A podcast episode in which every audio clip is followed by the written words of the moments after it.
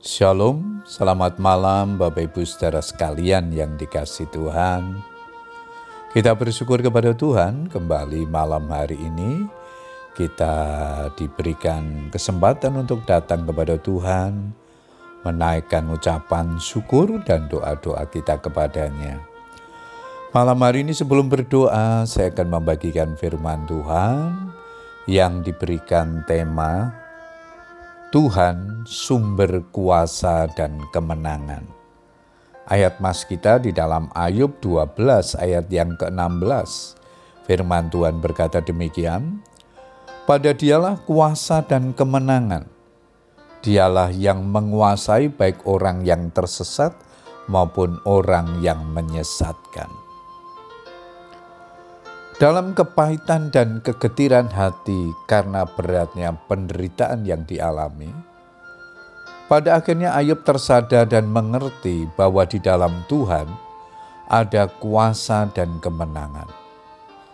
Ayub akhirnya juga ingat akan kuasa Tuhan yang sanggup mengubah keadaan hidupnya.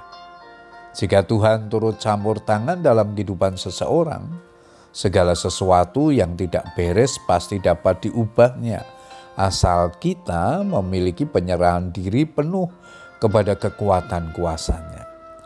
Ada tertulis, bila ia membongkar, tidak ada yang dapat membangun kembali.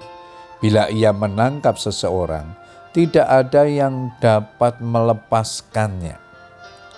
Kalau Tuhan ingin memperbaiki hidup seseorang yang tidak benar, tidak ada seorang pun yang dapat mencegahnya. Kita tidak bisa lari dari hadapan Tuhan untuk menghindar dari proses dari Tuhan. Pemasmur berkata, Ke mana aku dapat pergi menjauhi rohmu? Ke mana aku dapat lari dari hadapanmu? Jika aku mendaki ke langit, engkau di sana. Jika aku menaruh tempat tidurku di dunia orang mati, di situ pun engkau. Jika aku terbang dengan sayap fajar dan membuat kediaman di ujung laut, juga di sana tanganmu akan menuntun aku dan tangan kananmu memegang aku. Mazmur 139 ayat 7 10. Ada banyak kesaksian. Sebelum seseorang bertobat, bisnisnya sangat lancar tetapi setelah ia bertobat dan mengikut Tuhan, bisnisnya justru menjadi turun, bahkan bangkrut.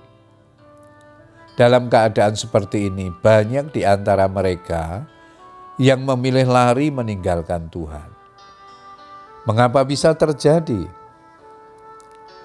Sesungguhnya Tuhan ingin membersihkan hidup orang itu Siapa tahu dulu bisnis dan kekayaan yang dimilikinya didapatinya dari cara yang tak wajar atau bertentangan dengan firman Tuhan. Dan kini Tuhan mau kita memulai segala sesuatu yang baru bersama Tuhan dan bertumbuh kembali dalam kelimpahan berkat yang benar, jujur, dan berkenan di mata Tuhan. Pada saat dibentuk Tuhan, apabila kita mau merendahkan diri dan berserah, Tuhan yang adalah sumber hikmat dan kekuatan pasti akan menolong kita sehingga kita dapat bertahan dan mampu melewati masa krisis itu dengan kemenangan. Ayub 12 ayat yang ke-13 Tetapi pada Allah lah hikmat dan kekuatan. Dialah yang mempunyai pertimbangan dan pengertian.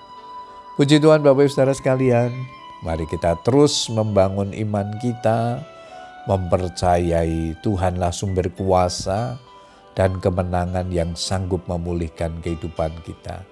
Kalau saat ini kita sedang menjalani prosesnya Tuhan, tetaplah sabar, tetap tenang, tetap percaya Tuhan sedang bekerja mendatangkan kebaikan dalam kehidupan kita. Selamat berdoa dengan keluarga kita. Tuhan Yesus memberkati. Amin.